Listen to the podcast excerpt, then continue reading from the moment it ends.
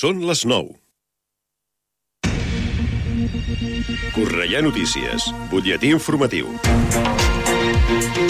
Molt bona nit, els parla Verónica Tomico. Les obres de millora a l'asfaltat en el passeig dels ferrocarrils catalans entre el carrer de la Verge de Montserrat i la carretera del Prat han començat avui i s'executaran previsiblement fins aquest divendres, dia 6 d'octubre. Durant aquests treballs hi haurà desviaments en el trànsit a la zona que estaran senyalitzats per facilitar la mobilitat. Poden estar informats d'aquestes afectacions a través de l'aplicació mòbil de seguretat ciutadana. El Banc de Sang i de Teixits fa una crida per a la donació de plasma. Actualment es recull només un terç del necessari. Coincidint amb la commemoració de la Setmana Mundial de la Donació de Plasma, s'ha anunciat que Cornellà acollirà una campanya de donació de sang i de plasma el dia 17 d'octubre a l'Auditori. Els requisits per poder donar aquesta substància són els mateixos que per donar sang. S'ha de tenir entre 18 i 70 anys, pesar més de 50 quilos i estar bé de salut. Thank you. L'Institut Esteve Terrades ha engegat un projecte pioner a Catalunya per millorar la comprensió lectora dels alumnes. Es tracta d'un pla de lectura que han instaurat a la formació professional de grau superior i que obligarà l'alumnat a llegir com a mínim una hora a la setmana. La mesura esdevé pionera i situa l'Esteve Terrades com el primer centre educatiu que aposta per la lectura en els estudis de formació professional. Aquesta hora lectiva s'ha inclòs en el projecte del mòdul professional i serà avaluada amb una fitxa. I Crea Cornellà celebra aquest diumenge la quarta edició de la concentració de vehicles clàssics. La trobada aplegarà al voltant de 120 cotxes i motos de més de 20 anys a l'entorn de la plaça de l'Església. Tot plegat començarà a les 10 del matí. Fins aquí aquest butlletí informatiu. Poden seguir informats de l'actualitat de la nostra ciutat al Cornellà Notícies de la una del migdia, als butlletins horaris i a l'app i la web de Ràdio Cornellà. També trobaran les darreres actualitzacions i notícies al radiocornellà.cat i a les xarxes socials de la ràdio, Twitter, Facebook i Instagram. Ara el temps. Connectem amb l'Agència Estatal de Meteorologia. Bona nit. Demà dijous a Catalunya, temperatures en lleuger ascens a Lleida, sense canvis a la resta. Arribarem als 31 graus de màxima a Lleida ciutat, 30 a Girona i 28 a Barcelona i Tarragona, encara amb valors elevats per a l'època de l'any. Respecte al cel, en general, poc ennuvolat o clar amb intervals de nuvolositat alta. Al llarg del matí, intervals de núvols baixos amb possibles bancs de boira al litoral i prelitoral. I nuvolositat d'evolució diurna al Pirineu al llarg de la tarda sense descartar algun xàfec aïllat a la meitat oriental. A més, també vent fluix variable en predomini de la component sud. És una informació de l'Agència Estatal de Meteorologia. L'informació de Cornellà. Més a prop, impossible.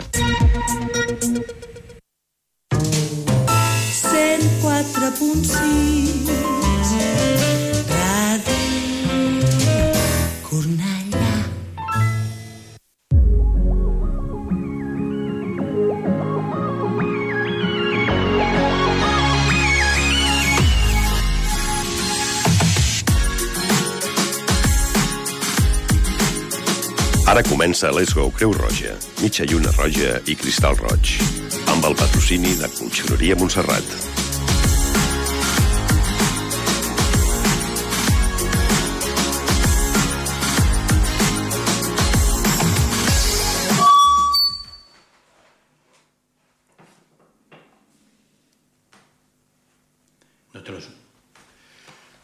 21 horas 3 minutos. Eh, iniciamos aquí el programa después de las vacaciones. Eh, no sé si las hemos pasado bien todos. Estamos hoy muy completos en el equipo.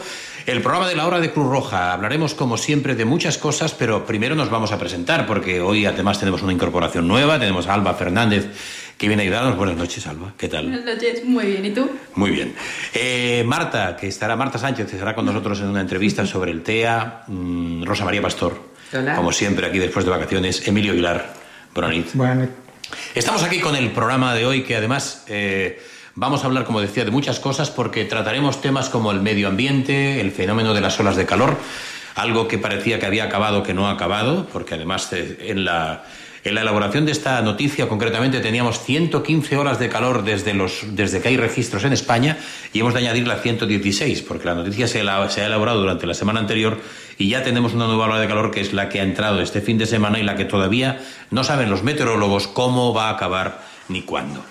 Hablaremos también sobre eh, la reflexión de valores. Nuestra compañera Mayalén Prieto nos hará una introducción importante sobre el, el mantener los valores sociales a través de las generaciones, que es uno de los grandes eh, trabajos que, creemos que se deben de hacer generacionalmente en las familias. Y hablaremos también de otra frontera, otro obstáculo que siempre tiene la gente que migra, que es eh, salvar la salud mental. Porque no solamente se pasan fronteras físicas, sino que también luego hay que salvar la salud mental después de haberse incorporado en un territorio nuevo, cuando no se tiene trabajo, cuando no se tienen medios de vida y cuando cuesta realmente eh, vivir el día a día. Nuestras noticias eh, o adivinanzas de humor con Olga Yorsi las tendremos también, volveremos a retomarlas. En la anterior, si recordáis, era el cabello que la recordaremos. ¿eh? Y la de la semana siguiente nos la vamos a decir porque a- en eso consiste concretamente, que es en participar en las adivinanzas. Una entrevista, hoy tenemos una invitada especial, Marta Sánchez está con nosotros, lo decía hace un momento, una entrevista sobre el TEA. Nos hablarán concretamente de esas afecciones que hay eh, y que eh, cuesta tanto de llevar a cabo dentro del seno de la familia y saber cómo llevarlas a cabo con la problemática que generan. Y luego tendremos la justicia redistributiva como derecho social y en el hoy viajamos, nuestra compañera Mayalen Prieto nos llevará a una a ningún punto en concreto, porque nos habla de una adivinanza que al que luego ya veréis cómo acaba el tema, porque yo le incluso le insistí en saber de qué se trataba, porque intentaba adivinarla y me costó lo mío. Alimentos de la dieta que influyen en los cuadros de insomnio será otra de las cuestiones. Y finalmente, el aguacate y su conservación, porque no deja de ser un alimento rico en proteínas, que además nos, nos va muy bien para tenernos, para hacer salud, que es lo más importante. Pero después de todo ese prólogo, después de todas esas eh, noticias, eh, digamos que el comienzo ha de ser siempre con primeros auxilios en la empresa, como hacemos en nuestro programa, de esta manera. No te imaginas lo valioso que es un gesto en tu empresa. Una sonrisa que motiva, una señal de ok que orienta, una compresión en el pecho que recupera una parada cardiorrespiratoria. Enseña a tu equipo los gestos más valiosos. Infórmate y contrata cursos de primeros auxilios para empresas en cruzroja.es o en el 902 22 22 92. Aprende a salvar vidas. 21 horas 7 minutos. Eh, Como decíamos, está el equipo preparado para esa vuelta de las vacaciones, para iniciar el programa de hoy en 104.6 de la FM, Radio Cornella. Y vamos a hablar sobre, como decíamos, de las 115 horas de calor desde que hay registros, que además hemos de añadir esta última de la semana, serán por tanto 116, que es un fenómeno cada vez más frecuente que pone de manifiesto la necesidad de tomar medidas ante la causa, lo que se llama el calentamiento global. El domingo 20 de agosto se inició una nueva ola de calor, concretamente la cuarta, que afectaba a España en estos meses de verano del 2023. Durante esta ola, más de 60 zonas del territorio español estuvieron en aviso naranja y territorios del medio Ebro, las depresiones del noroeste, el sur de los Pirineos, el extremo nororiental de Cataluña, el valle del Gua- Guadalquivir y el oeste de Andalucía alcanzaron temperaturas entre los 38 y 40 grados. Las altas temperaturas y el calor extremo se han convertido en los protagonistas de un verano complejo y asfixiante, no solo en España, sino en todo el continente europeo. Si hacemos un repaso por los países vecinos, observamos que en Francia se están alcanzando récords de temperatura en el territorio. En Italia, temperaturas por encima de 38 grados. Y en Suiza se ha emitido a través de la Oficina Federal Suiza de Meteorología una alerta de nivel 4 a causa de haber alcanzado cifras superiores a los 36 grados, algo poco habitual en ese país. Según indica la Agencia de Protección Medioambiental de Estados Unidos, las olas de calor se darán cada vez con más frecuencia, serán más calurosas y presentarán una mayor duración. Esta situación es, en gran medida, consecuencia de los efectos del cambio climático. El mundo se ha calentado 1,1 grados desde el periodo preindustrial, es decir, antes de que la humanidad empezara a quemar combustibles fósiles.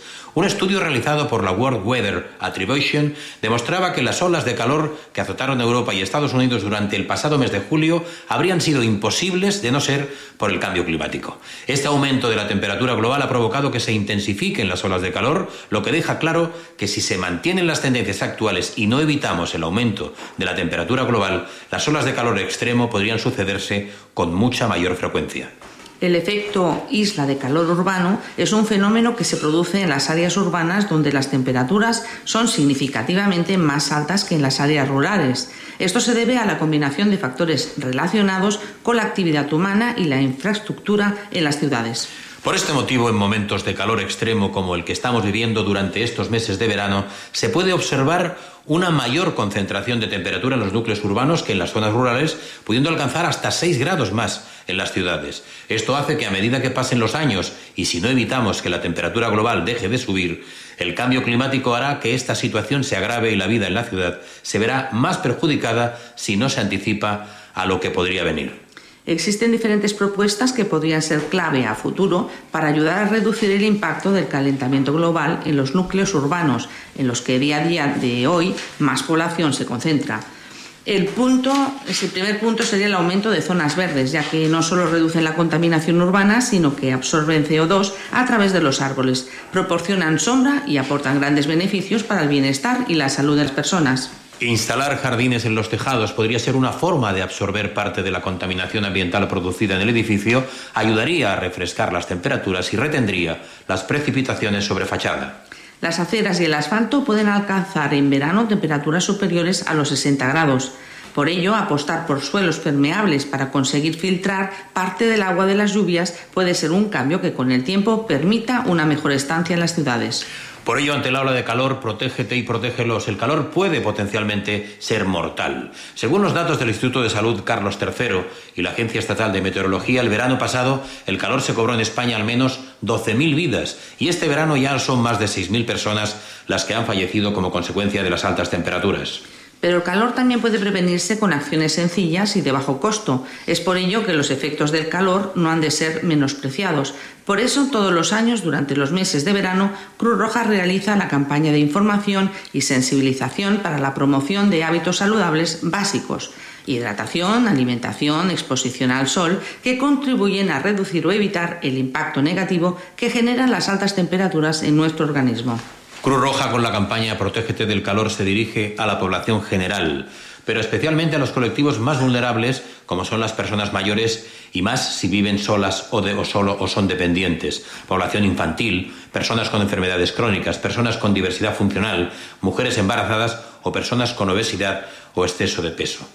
Entre las actividades que se están llevando a cabo a partir de la campaña se encuentran información y sensibilización a través de redes sociales y web institucionales, actividades de información en la vía pública, playas, piscinas, centros comerciales, para prevenir a la población ante el calor extremo, talleres con grupos organizados, llamadas telefónicas proporcionando información y consejos a personas mayores o con enfermedades crónicas con las que Cruz Roja trabaja habitualmente. Ahora a continuación os daremos unos consejos ante el calor. Ante el calor, mantén tu cuerpo fresco e hidratado. Bebe agua regularmente, evitando las bebidas azucaradas, alcohólicas o con cafeína. Haz comidas ligeras, ensaladas, frutas, verduras, gazpachos, que ayudan a reponer las sales perdidas por el sudor, como las ensaladas, frutas, verduras y gazpachos o zumos. También, ante el calor, viste o usa ropa ligera de colores claros y que transpire, sombreros y gorras, entre otros, que cubran la cabeza, cara, orejas, sienes. Calzado fresco, cómodo y que transpire. Gafas de sol adecuadas, Protección 100% frente a rayos ultravioletas y radiación azul visible. También protección solar en zonas expuestas de la piel. También organiza sus actividades en las calles y en el campo. Centraliza las actividades en el exterior durante las primeras o últimas horas del día o el atardecer. Evita salir y realizar actividades extenuantes, correr, pasear, hacer ejercicio y algunas cosas más durante las horas centrales del día. Si tienes que permanecer en exteriores, procura permanecer a la sombra o lejos del calor. Usa la ropa, complementos, sombrero, gafas, gafas de sol y el calzado recomendado para el calor. Aplica protección solar adecuada a tu piel, incluyendo también el labial, previo a la exposición de 30 minutos antes de salir de casa. Y mm, renuévala regularmente, bebe mucha agua, come ligero, refrescate la cabeza, y al salir de viaje no dejes a niños, niñas, personas mayores ni animales en vehículos estacionados. También viaje con el aire acondicionado o abriendo las ventanas. Ten cuidado con los cambios bruscos de temperatura que se producen al, entrar o al salir del coche. Y finalmente, hidrátate abundantemente durante el viaje. También ante un problema de salud, consulta con tu médico o médico la referencia acerca de las medidas suplementarias a adoptar si padeces alguna enfermedad de riesgo. Sigue tomando tus medicamentos de acuerdo a las recomendaciones médicas. No te automediques. Mantén el contacto con las personas consideradas más vulnerables. Llámalas o haz una visita para poder valorar su situación concreta y prevenir efectos graves de altas temperaturas. Este protocolo se ha puesto en marcha en todo el territorio nacional para llegar al mayor número de personas posibles con el objetivo de contribuir al máximo en su salud y bienestar.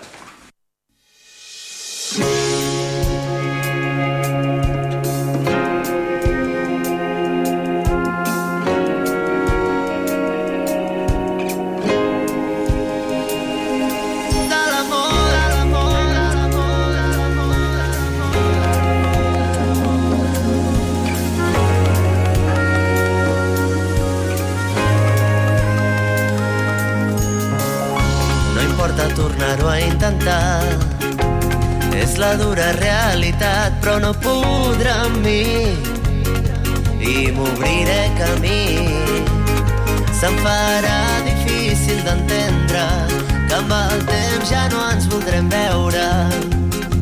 Ens hem estat acompanyant però cada cop som més distants. Oh, creus en la vida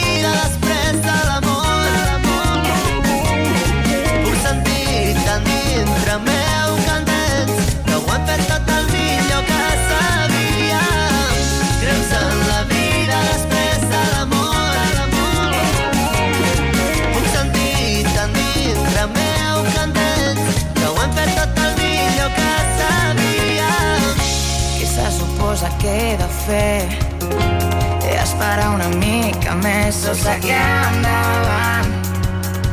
No hi ha res a parlar. Necessito espai per pensar-me i la força per estimar-me. Perquè tingut passatemps per tu i ara l'amor el ves tan lluny. Oh, creus en la vida després de l'amor.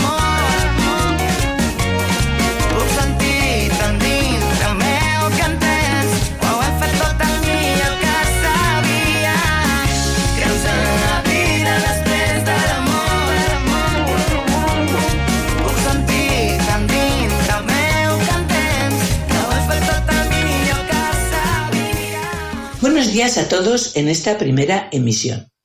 Hemos iniciado el curso escolar y creemos que es importante hacer una reflexión sobre valores, ya que mejorar la sociedad es cosa de todos. En la sociedad actual, en la que cada uno de nosotros estamos inmersos, es importante que reflexionemos sobre qué podemos hacer para mejorar nuestro entorno y, de esta manera, contribuir a un futuro más justo para todos y a la vez más sostenible.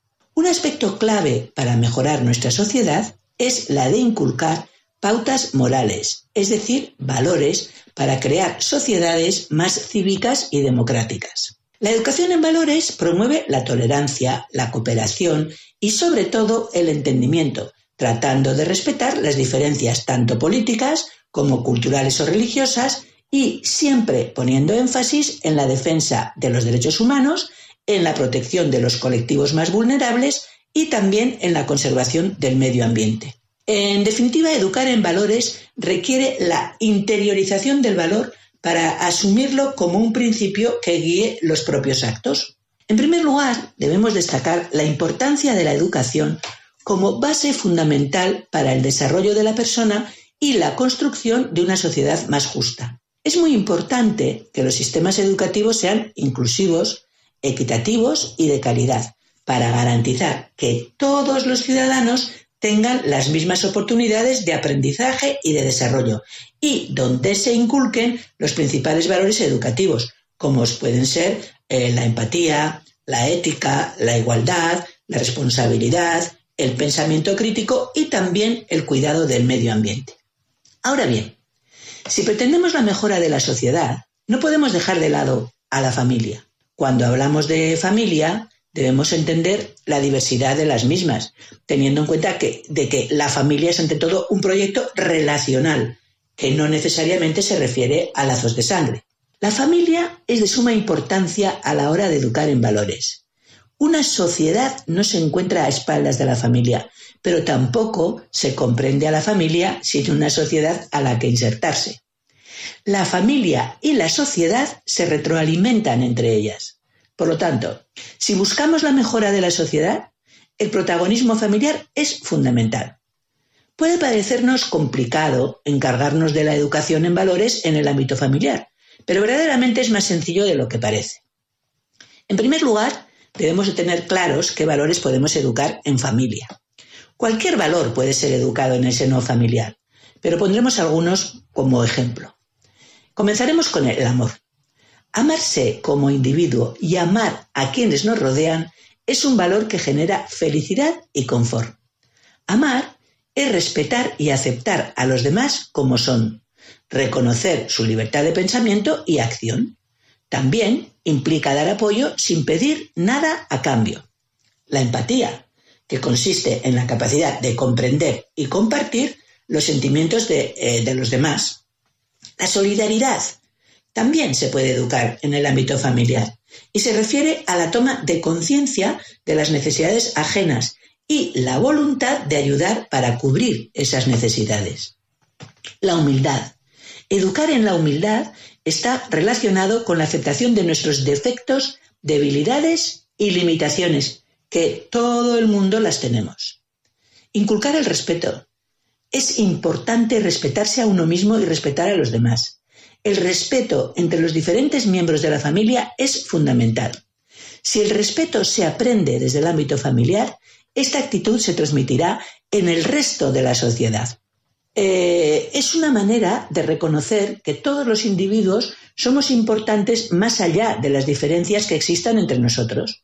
Escuchar con atención la opinión de una persona, aunque no comparta las mismas ideas, es sinónimo de respeto. Otro aspecto que se puede eh, inculcar dentro de la familia es el hecho de potenciar la amistad o el afecto personal, puro y desinteresado, compartido con otra persona y que se fortalece con el trato. Promover la gratitud. Se trata del sentimiento, emoción o actitud de reconocimiento de un beneficio que se ha recibido o recibirá. En concreto, ser agradecido. Estimular la honestidad. Ser honesto es ser sincero, franco, no tener segundas intenciones en el trato con otras personas, no sacar ventaja de las posibles debilidades o situaciones de inferioridad de otros individuos. Por ejemplo, eh, reconocer si nos hemos equivocado, devolver los objetos encontrados, no subirse al tren sin pagar el billete, por poner algunos ejemplos. Inculcar la voluntad como capacidad humana para decidir con libertad lo que se desea y lo que no. educar en la justicia. Poner en práctica la justicia puede resultar una tarea difícil, sobre todo porque se trata de respetar y resguardar de manera equilibrada los derechos y los deberes de los individuos en el ámbito familiar y, por consiguiente, en la sociedad. Respetar la libertad. Se refiere a ser libres de expresar nuestros sentimientos, de ser la persona que deseamos, pero sin hacerle daño a quienes nos rodean. La libertad de ser y hacer lo deseado. Sin embargo, al actuar de manera incorrecta, tanto en el ámbito familiar como en cualquier otro ámbito de la sociedad, implica ser recriminado o sufrir una privación de libertad. Libertad siempre, pero con una disciplina, como bien decía la reconocida pedagoga María Montessori. Enseñar a ser tolerante. La tolerancia se refiere a aceptar que todos somos seres únicos con fortalezas y debilidades. Por tanto, las diferencias siempre van a existir y lo importante es reconocerlas y saber respetarlas. Promover el optimismo, aspecto muy importante. El optimismo como perspectiva positiva y esperanzada del futuro, de sí mismo y del mundo que le rodea. Es una clave de la resistencia o resiliencia, es decir, la capacidad de superar circunstancias adversas, la fortaleza interior que le ayuda a atravesar momentos difíciles. El optimismo le ayuda a ver, sentir y pensar de forma positiva. Y en definitiva, en el ámbito familiar podemos estimular la felicidad. Si bien la felicidad tiene definiciones diferentes, a menudo se describe como un estado que involucra emociones positivas y satisfacción con la vida. ¿Qué es lo que hace feliz a las personas? Las personas felices tienen objetivos, metas y deseos por los que luchar. Es importante concienciarnos que a veces predicamos una cosa pero hacemos otra. Si queremos transmitir un valor en nuestro entorno familiar, nuestra actitud y acción tiene que ser la acorde con tal valor. Hay que educar con el ejemplo. En definitiva, mejorar nuestra sociedad es un reto colectivo que requiere el compromiso y la colaboración de todos los ciudadanos. A través de la educación, la promoción de valores y la adopción de iniciativas concretas, podemos contribuir a crear un mundo más justo, sostenible y humano para todos. Ánimo y adelante. Ahí queda el reto, del reto para las familias, sobre todo importantes, porque además es el primer punto de, digamos, de punto origen de la educación, y luego los centros e incluso la misma sociedad en sí misma que tiene que ir promocionando los valores, manteniéndolos y, además desarrollándolos. Nos habló nuestra compañera Mayalén Prieto de los valores y de la reflexión sobre valores, y nosotros seguimos precisamente con un problema que también está muy actual, que es la salud mental, pero la salud mental cuando llega a una persona que además ha tenido que librar una gran batalla con el territorio, ha tenido que librar una gran batalla con las fronteras, con los mares y demás, porque son las personas que emigran, las personas que cambian de país por necesidades, las personas que se ven expuestas al huir de su país de manera forzada a unas condiciones y, a unos comienzos de afectación en la salud mental si no hay un equilibrio concreto eh, en, la, en, la, alimentación y en la tranquilidad y en muchas de las cuestiones. Cruz Roja ha analizado más de mil casos de personas migrantes, refugiadas, solicitantes de asilo, para estudiar cómo es la salud mental de las personas que viven ese proceso. Más allá de conocer que se enfrentan o a qué se enfrentan quienes pasan por ese camino de país, de país forzoso, la organización humanitaria busca crear un plan de acción que minimice las consecuencias sabiendo su fuente. El estudio revela que la situación que más protege frente a los riesgos de afectaciones derivadas de la inmigración forzosa es el empleo. La ocupación remunerada, aunque sea de económica sumergida, por aporta protección e independencia económica. El apoyo familiar en general, ya sea en la distancia del país de origen o a su llegada. Y la vinculación emocional con la familia en otras de las, son otras de las claves, junto a los hábitos y el estilo de vida saludables, donde se incluye la actividad física, la alimentación, la higiene de sueño y la salud afectiva y sexual como práctica de una relación libre de violencia, sexualidad sana y vivida libremente, que implica también el sentirse querido o querida en el entorno de acogida y el sentimiento de pertenencia a un grupo de manera emocional, lejos de los abusos o de la trata. Los factores que, que, más protegen la salud mental migratoria se complementan con las prácticas espirituales, la educación, la formación, las habilidades sociales y el apoyo de la red social. Otros hallazgos desvelados en este trabajo están relacionados con la necesidad de abordar las diferentes vulnerabilidades entrelazadas, desde el enfoque de la interseccionalidad para la integración de la diversidad y minorías racializadas, como sexo, género, etnia, orientación afectiva y sexual y otros aspectos de identidad. A mayor presencia de vulnerabilidad derivada de la migración forzosa, género u orientación afectiva y sexual, mayor afectación clínica y psicosocial y menor presencia de factores de protección. Asimismo, una de las cuestiones más relevantes es la importancia de empezar a reconocer el talento migratorio, un cambio de identidad imaginario social asociado a migrantes y refugiados que ponga en valor su talento y su capacidad de liderazgo basado en los activos. Por último, la necesidad de disponer de espacios libres de violencia y relaciones seguras como requisito para reparar, crecer y volver a empezar se torna fundamental. Ese trabajo da paso más a, a visibilizar la salud mental y condiciones de las personas migrantes con una mirada menos patologizante, que impliquen mirar sus activos y sus factores de protección tanto a nivel individual como social. La salud mental, antes, durante y después de la migración, tiene este desarrollo, desde una persona migrante se ve expuesta y huye de su país de manera forzada. Perdón, para cambiar sus condiciones de vida comienza la afectación en su salud mental y en la de la familia. No son personas que tengan problemas previos, pero la exposición a diferentes tipos y niveles de violencia, conflictos armados, catástrofes naturales y persecución por género, entre otras, contribuyen en tresores de suficiente intensidad como para afectar la salud mental de estas personas. Puede que el periodo de mayor afectación transcurra entre los seis primeros meses o el año antes de la huida. Durante el viaje afecta de diferente manera a las personas que viajan en solitario que a las que lo hacen en familia, representando mayor vulnerabilidad el hecho de emigrar en familia que emigrar individualmente. Cuando viajan en familia o con menores, la preocupación se centra, se centra más en los niños y niñas que están a su cargo y la necesidad de garantizarles la cobertura de necesidades, ya que los adultos son capaces de soportar mejor esa carga, pero no lo consienten para la supervivencia de los niños y niñas a su cargo.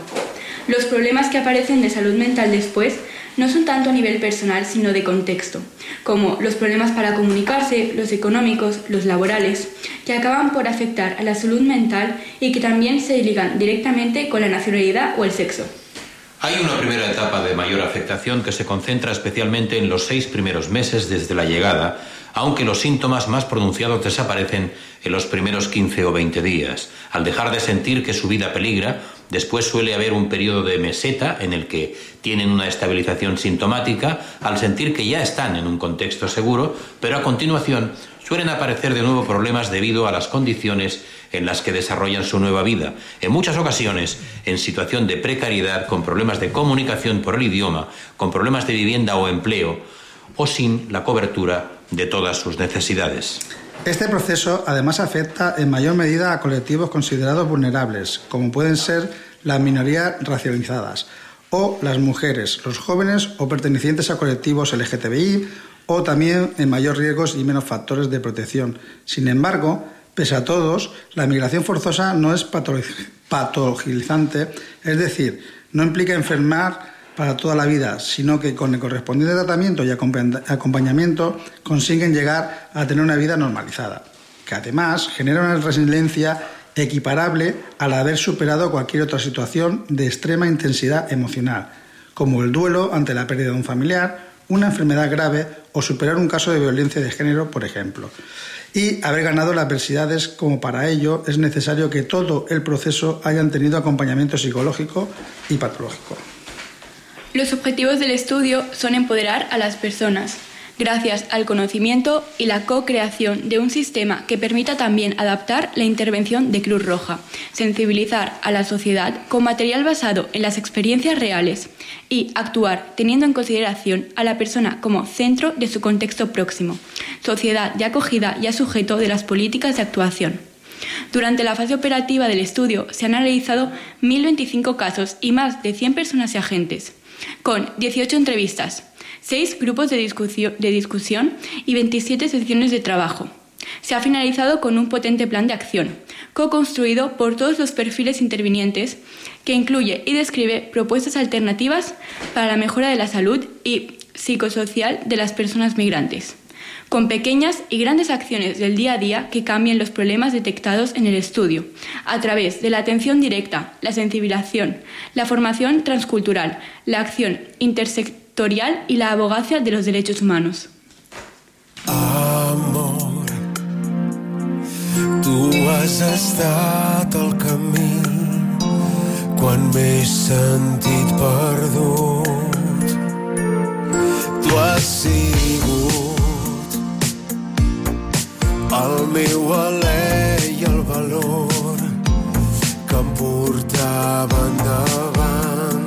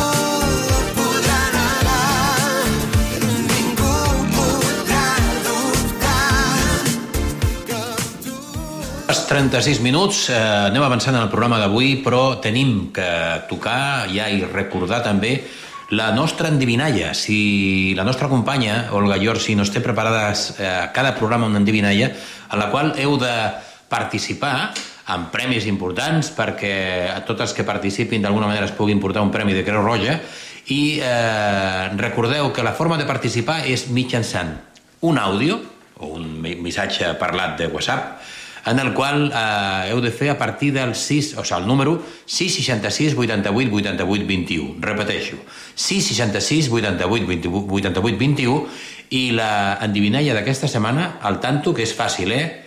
Endavant, Olga. Aunque me corten y corten, nunca me verán sangrar, porque me han curado al frío y metido en mucha sal. Esa es la adivinanza de la semana que viene. Es sencilla, es muy sencilla, sobre Muy todo... rica Y muy rica. y muy rica, sobre todo para los que sí, eh, también, es cierto.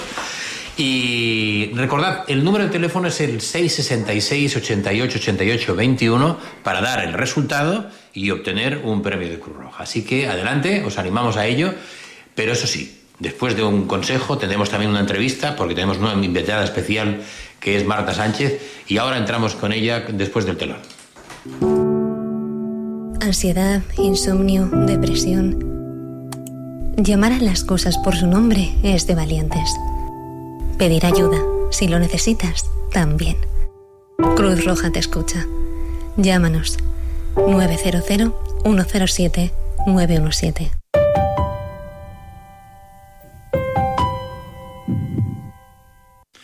Como indicábamos hace un momento, tenemos una invitada especial, Marta Sánchez. Ella es madre de un joven eh, que está, eh, tiene espectro autista y nos va a hablar sobre el TEA y su experiencia.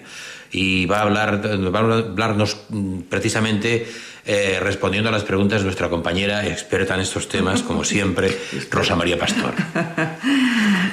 Benvinguda, Marta. Gràcies.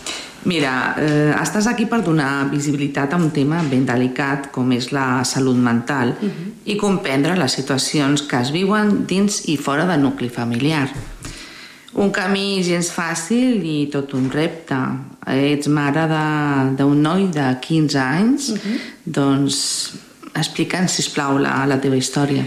Doncs mira, el camí, quan comença el camí dins de l'espectre autista, no és gens fàcil. Sobretot pel desconeixement social i el que tots tenim a l'imaginari social quan sentim la paraula autisme. Tampoc ajuda la manca de sensibilitat i la poca ajuda que rebem les persones cuidadores, que semblem sempre les eternes oblidades. El... Quina és realment, o sigui, explica'n una miqueta més, potser la, la, la història, el primer ca, el camí que vas, vas, eh, vas continuar amb, l'Eric. Doncs el nostre camí en salut mental va començar quan l'Eric tenia només 3 anys. A la llar d'infants, la cuidadora ja veia coses que no anaven a l'hora i ens van convidar a començar a anar al CDIAP del barri on vivim, que és Sant Montjuïc. I després de 3 anys de visites setmanals, d'anar cada divendres havent d'agafar dos autobusos, li van donar l'alta amb 6 anys sense cap diagnòstic. La pediatra se'n feia creus. Nosaltres vam sortir amb una derivació a CESMIG, que és on es passa després dels 6 anys, amb un informe que deia creixement disharmònic, una paraula que no hi ha qui entengui, no saps què vol dir això. No ho havia sentit, no? La sensació és que ningú sap què fer ni què dir. Es donen pals de sec i nosaltres teníem la sensació d'estar perdent el temps. Fruit d'aquesta frustració vam deixar d'anar. Això, naturalment, eh, va provocar que res millorés, tot al contrari, va anar empitjorant amb el temps. Ja. Aquesta sensació de donar pas de sec sí que l'he compartit molts pares amb, amb mi mateixa. De fet, poquets nens i joves tenen un diagnòstic mèdic.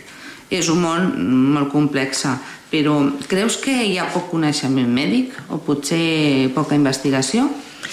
Ah, tot i que l'autisme fa molts anys que s'investiga, és un camp molt desconegut. Es coneixen trets que són comuns a les persones que estan dins de l'espectre, però ni totes els tenen ni totes eh, tenen els mateixos. Hi ha poc coneixement, tant mèdic com social. Això fa que les persones semblin rares o excèntriques. La televisió i algunes sèries estan visibilitzant l'autisme i és genial, però ho fan des d'una mirada maca. Un metge amb una carrera brillant i un científic amb un grup d'amics comprensius. És magnífic, però no és real. La realitat és que l'autisme porta aïllament i incomprensió. Tenim una situació dramàtica en quant al percentatge, al percentatge de suïcidis de les persones, sobretot joves, dins de l'espectre autista i un percentatge molt més alt de patiment de bullying. Fins aquí, l'Eric, eh, com anava amb el tema escolar? Quina era la, la situació? A l'escola sempre ha depenut molt del tutor-tutora de cada curs. A l'escola sempre ha tingut problemes de concentració i d'incomprensió. A tenir un diagnòstic tardà tampoc ens va ajudar. Segons s'anava fent grans, menys ens enteníem. Un professor li va posar les notes que havia de practicar les relacions socials. No, una persona dins de l'espectre autista no practica les relacions socials, uh -huh. va a teràpia. Si li dius que les practiqui, li estàs dient que hi ha una voluntat, li estàs dient que no ho fa perquè no vol. Em vaig sentir enfadada, trista i decebuda. Mm. Crec que tot va canviar o millorar al cinquè curs de primària. Per què, Marta? El cinquè curs de primària el vam transitar amb una tutora meravellosa amb la que encara tinc contacte i a la que sempre que puc li agraeixo el seu acompanyament perquè el va entendre. Ella ens va acompanyar, va ser el curs que vam arribar al diagnòstic i ens ho va posar tot molt fàcil.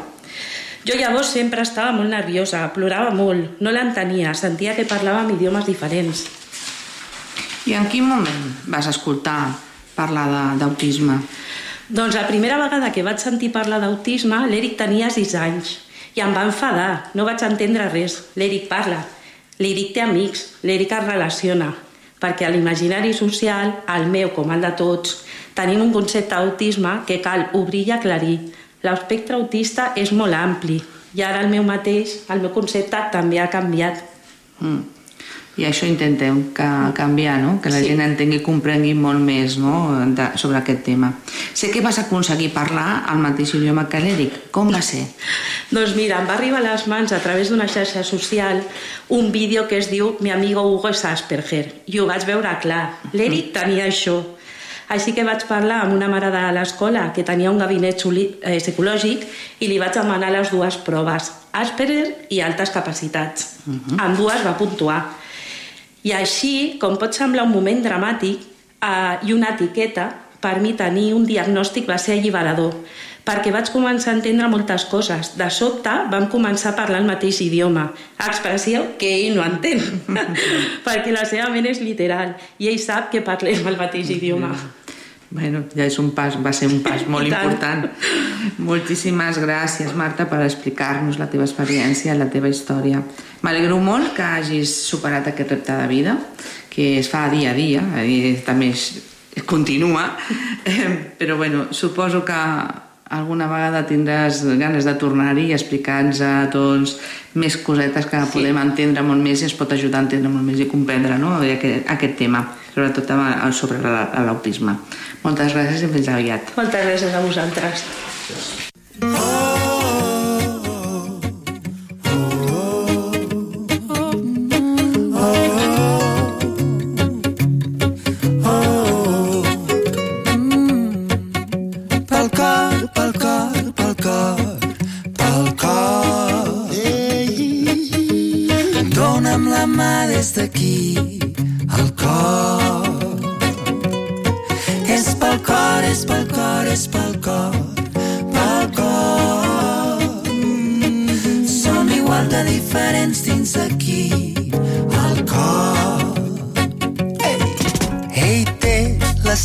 cames llargues, ell està pot patir. Aquell dels ulls atginats, tu els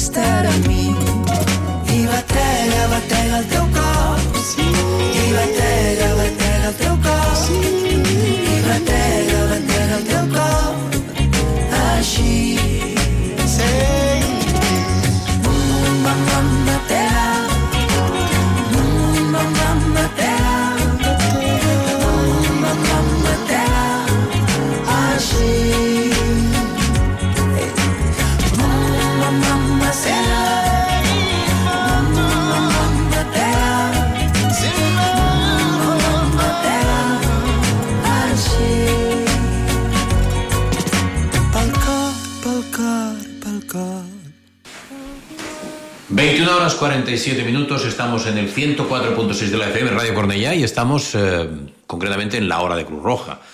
Y llegó el momento de hablar de la justicia redistributiva como derecho social, porque el concepto de Estado social y de, y de derechos sociales tiene mucho que ver con la política de igualdad entre los ciudadanos. Y si nos remitimos a la Constitución española, podemos observar que España es un Estado democrático y de derecho. Esto significa que los poderes públicos deben garantizar la igualdad de oportunidades de los ciudadanos. El Estado debe asumir la responsabilidad de garantizar determinados servicios públicos necesarios para que los derechos sociales sean satisfechos, como puede ser la sanidad, la educación, el subsidio por desempleo, las pensiones, la seguridad pública y tantos, tantos más. Servicios públicos al que todos los ciudadanos deben poder acceder independientemente de su situación económica y de forma que no se vean frustrados sus derechos fundamentales. Los costes de estos servicios públicos suponen el poder disponer de unos recursos que implican que el Estado deba activar su actividad recaudadora, especialmente a través de los impuestos. Bajo el paraguas de equidad y de justicia es necesario poder satisfacer las necesidades básicas de todas las personas de nuestra sociedad y ello solo es posible mediante una política fiscal a través de la que participen todos en función de su renta y sirva para redistribuir adecuadamente los medios de vida. Como dijo Edwin de Robillar, figura obsesionada por la justicia social, la justicia social no podrá triunfar en tanto que la injusticia económica subsista. No existe una relación directa entre trabajo y acumulación de riqueza, ya que en la actualidad el empleo está dejando de ser una garantía contra la pobreza por la precariedad del salario. Las clases medias cada vez están más empobrecidas. Según informe de la OCU, el 66% de las familias tuvo dificultades para ahorrar en 2021. Sin ahorro no hay bienestar no hay capacidad de afrontar situaciones adversas sobrevenidas, no se puede acumular riqueza o mejor no se puede obtener un mejor, un mejor nivel de vida. En consecuencia y por una simple lógica, la acumulación de riqueza o de mayor nivel de vida viene del trabajo en momentos determinados, pero no solo de él sino de un cúmulo de variables añadidas. Son, ser persona rica no es sinónimo de trabajar duro. El cambiar de situación socioeconómica no es tan fácil.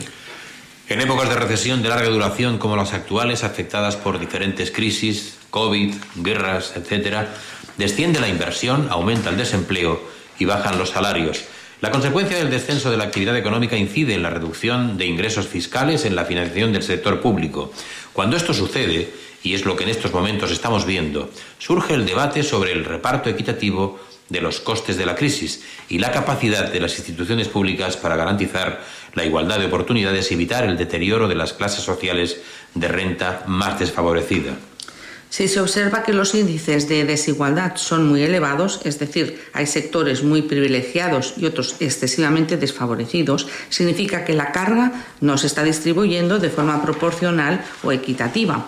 En estas situaciones el Estado debe intervenir para afrontar las diferentes necesidades derivadas de la crisis.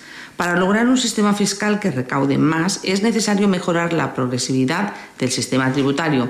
La cuestión está en a quién se le puede subir los impuestos y a quién se le puede bajar sin dañar la recaudación. No se trata de mortificar a los ricos, sino de que las cargas sean progresivas. El hecho de elevar la recaudación requiere también una lucha inflexible contra la evasión fiscal y el fraude. Si los ingresos tributarios aumentan, se puede mejorar la eficiencia del gasto público. Con una buena gestión de los ingresos, se puede impulsar la inversión productiva, conseguir reducir las desigualdades y combatir la pobreza. Desde una perspectiva de bienestar social, lo relevante es la progresividad de la política fiscal en su totalidad, es decir, incluyendo no solamente los impuestos, sino también el gasto social. Podríamos decir que la justicia social y la justicia distributiva son casi la misma cosa, ya que la buena distribución es la clave del concepto de justicia social. Aún no lo sabes, pero cada mañana hay personas que se levantan y necesitan sentir que tienen a alguien a su lado. Niños y niñas, jóvenes, mayores, inmigrantes, personas sin hogar. Con tu esfuerzo puedes contribuir a que todas ellas recuperen la sonrisa. El voluntariado es un boomerang de vida y vuelta. No lo dudes. Únete a Cruz Roja. Lánzate. Más información en cruzroja.es. Campaña financiada por el Ministerio de Sanidad, Servicios Sociales e Igualdad por Solidaridad a otros fines de interés social. 21 hores 52 minuts, estem ja avançant en el programa, estem amb els quasi últims minuts, però encara ens queda molt per dir i sobretot molt per intentar també endevinar. La nostra companya, Mayalén, ens explica algo que también es muy importante saber. Al ser nuestra primera emisión y como fase motivacional, hoy la adivinanza no va a ser sobre geografía. Un gran amigo y poeta albaceteño, Manuel Arroyo, ha escrito esta decimananza, entre otras muchas. Se trata de una décima, poema de diez versos, y decimananza porque además es una adivinanza. Ahí va. ¿Quién canta ahí que no lo veo? Me acerco y creo tenerlo aquí. Mas no lo vi. De negro brillo, fino amarillo, me ha despistado. Aunque ha cantado, no he visto él. Yo doy una pista. Lleva dinero en el bolsillo. Si tenéis el resultado, llamar al número de teléfono que se os indicará. Si la respuesta es acertada, ya sabéis que tenéis una gratificación. Esperamos vuestras llamadas. ¡Ánimo! Mm. Si creus que tens la solució, ja saps, has de fer un àudio, enviar un àudio a través del WhatsApp al 666 88 88 21 i tens el premi de Creu Roja. Torno a dir, 666 88 88 21 és el resultat on que ens té que arribar i tu tens el premi de Creu Roja. No posar els peus damunt la sorra a la platja de Barcelona alguna nit de juliol.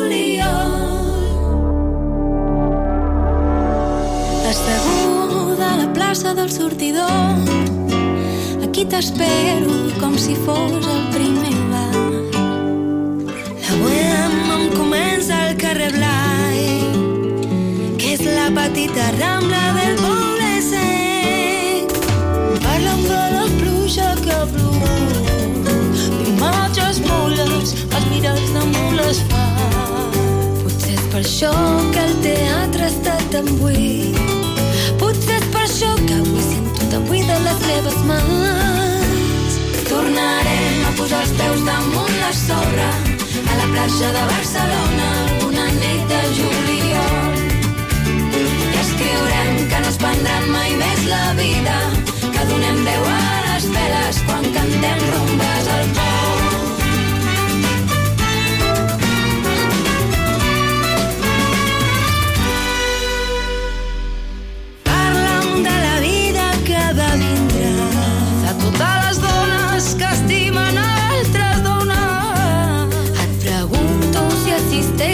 Humanitat, si hem de declarar la guerra algun exèrcit d'ignorants. Mira, jo ja t'he vist plorar i creu-me quan et dic que em passa igual. Quan em cantes les cançons mentre treballes, assenyalant-me els dubtes com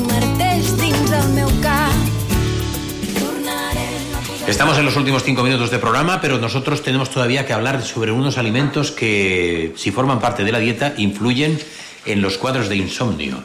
Si no dormimos bien, al tanto que algo pueden tener en cuenta la alimentación. A la hora de dormir bien o mal, los alimentos juegan un papel importantísimo. La relación entre la nutrición y el sueño es sorprendente. Un área insuficiente, me- insuficientemente estudiada y permite pocas afirmaciones teóricas. Eh, esto es la relación casualidad, no está probada científicamente. Señala el director médico del Instituto Internacional del Sueño, el doctor Diego García Borreguero. No obstante, el sueño es un mecanismo tan delicado que cualquier cosa puede afectarle, incluida la alimentación. Teniendo en cuenta estos datos, una nutrición adecuada es importante para una mejor calidad y cantidad de sueño, mientras que unas dietas inadecuadas pueden causar fatiga, irritabilidad, depresión e insomnio, según un estudio español publicado en la revista Sleep, en el que participaron 1.596 participantes. La dieta mediterránea está asociada a una mejor calidad del sueño y, además, mantenida en el tiempo. Por el contrario, otras dietas para adelgazar pueden afectar negativamente a la calidad del sueño, ya que, como, eh, alerta el doctor García Borreguero, si no son supervisadas por un especialista con facilidad para llevar a estados carenciales. Además, el doctor García Borreguero añade que se ha, demas- se ha demostrado que los hidratos de carbono tienen un efecto importante sobre la cantidad de sueño de ondas lenta y de sueño REM y que una dieta abundante en, car- en carbohidratos produce una más somnolencia que una rica en proteínas. Ahora daremos unos alimentos que es mejor para evitar. Evitar comida precocinada y similares. Es mejor elegir verdura fresca, no almacenarla durante mucho tiempo y evitar la cocción prolongada. Además, es recomendable dar prioridad a las ensaladas y al consumo de vegetales frescos. También cambiar los cereales refinados por integrales, así como aumentar el consumo de fibra y el de cereal no, no azucarados. Estos cambios ayudan a reducir el riesgo de padecer enfermedades cardiovasculares, diabetes y algunos tipos de cáncer, como el de colon. Además, la vitamina B, abundante en los cereales y productos integrales, disminuye, la irritabilidad y la tensión, que suelen contribuir al insomnio.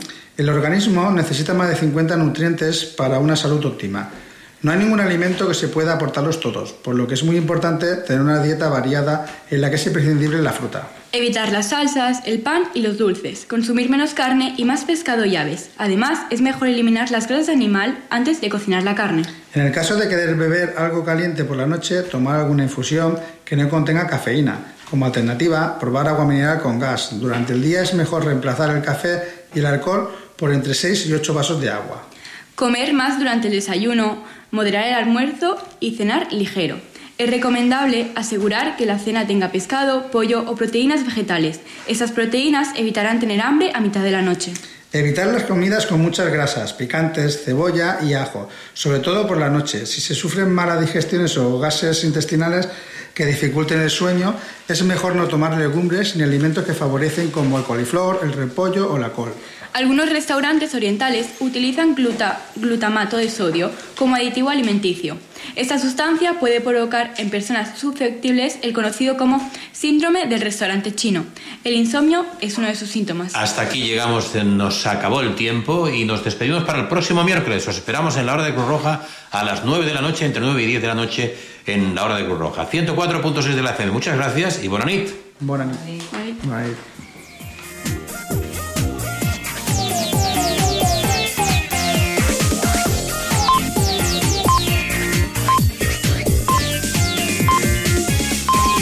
Són les 10. Cornellà Notícies, butlletí informatiu. Molt bona nit, els parla Verónica Tomico. Les obres de millora en l'asfaltat en el passeig dels ferrocarrils catalans entre el carrer de la Verge de Montserrat i la carretera del Prat